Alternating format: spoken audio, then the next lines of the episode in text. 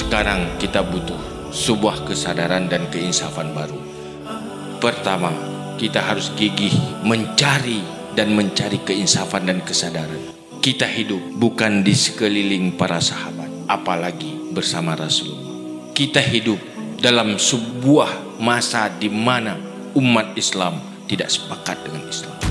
Mereka sepakat hanya untuk kebutuhan hidup. Mereka lupa kebutuhan mati.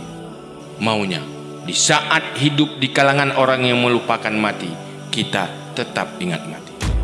Hidup yang paling ideal di saat orang sibuk mencari kesenangan dunia, tetapi kita tetap tidak pernah lupa akhirat.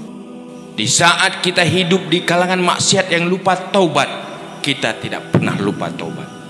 Di saat orang hidup sibuk membangun dunia, tetapi tidak pernah lupa membangun kuburan.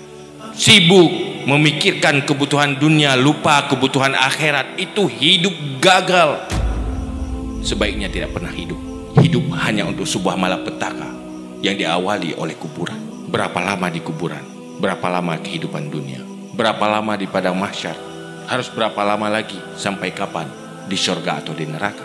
Surga dan neraka ditentukan oleh bagaimana bentuk kehidupan dunia ini. Surga tidak dicari di saat sampai di depan surga. Neraka untuk menyelamatkan diri bukan di saat berhadapan dengan neraka. Menyelamatkan diri dari malapetaka abadi neraka di dunia ini. Dunia tempat penyelamatan diri dari neraka. Dunia tempat pencapaian surga. Orang beriman adalah orang yang hidupnya penuh makna, hidup sebuah perjuangan, bisa menyelesaikan persoalan kehidupan dan bisa menyelesaikan persoalan setelah hidup.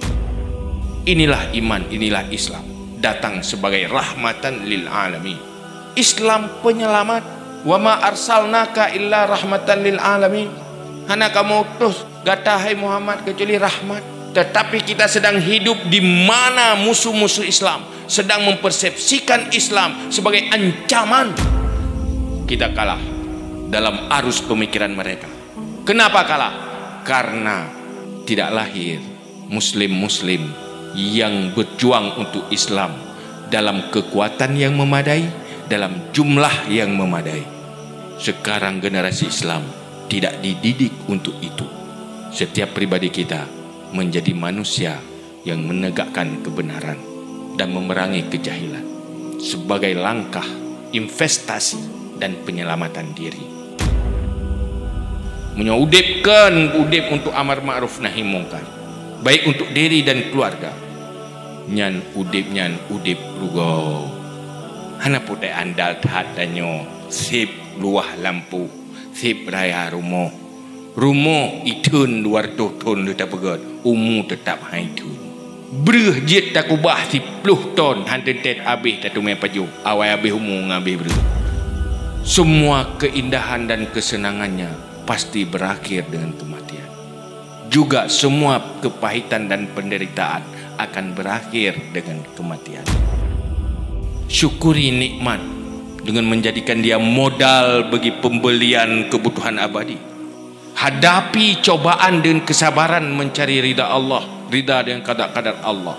Semuanya menjadi modal utama untuk kebutuhan abadi setelah hidup ini. Hidup yang sukses adalah hidup berinvestasi untuk akhirat. Hidup berinvestasi untuk akhirat pasti hidup penuh perjuangan, istirahat dan kesuksesan hasilnya mulai di saat kematian. Orang beriman masa depannya hanya satu adalah kematian awal dari masa depan. Adapun kehidupan bukan masa depan adalah masa investasi dan perjuangan. Kalau mau bahagia, nikmati dengan lelahnya perjuangan itu. Hek tanya ugat lagu tamekat. Kan susah karena hek tapi senang. Teo tidak muka ugat lagu nah hek. Boso hek udah muka ugat lagu ngah lagu. Nah udah berkata ilong senang dah muka orang. Tak dua kerot relax kerot. Nah udah tanya tepu api. Lihat buka lagi dia tuk tiga ibu tiga tu. Barang nak yang ada buat? Kiban mak senang dah bahagia dah orang yang mana dia suruh. Nyomenan bahagia orang muka. Yang bahagia orang muka kan gak lagut. Orang gak lagut nah eh. Dia suruh roh lah nama dah ke. Kalau habis ke bukunya kan lain. Kalau wakil ke berenya ke berenya. Tapi sangat bahagia kan. Karena bahkan tenaga yang putus untuk sebuah keuntungan kan. Orang beriman, hek orang beriman bahagia. Karena dia tidak melihat lelahnya, pahitnya, tapi melihat untungnya. Nyatanya hawa ke surga, hawa ke akhirat, hawa ke kuburannya, awal dari kebahagiaan. Lupa hawa hati ke hek landonya. Hek bubuk kebaikan, hek ibadat. Dan kita mengakhiri kehidupan ini dengan hidup yang terbaik. Husnul khatimah. Semoga ada di tangan kita.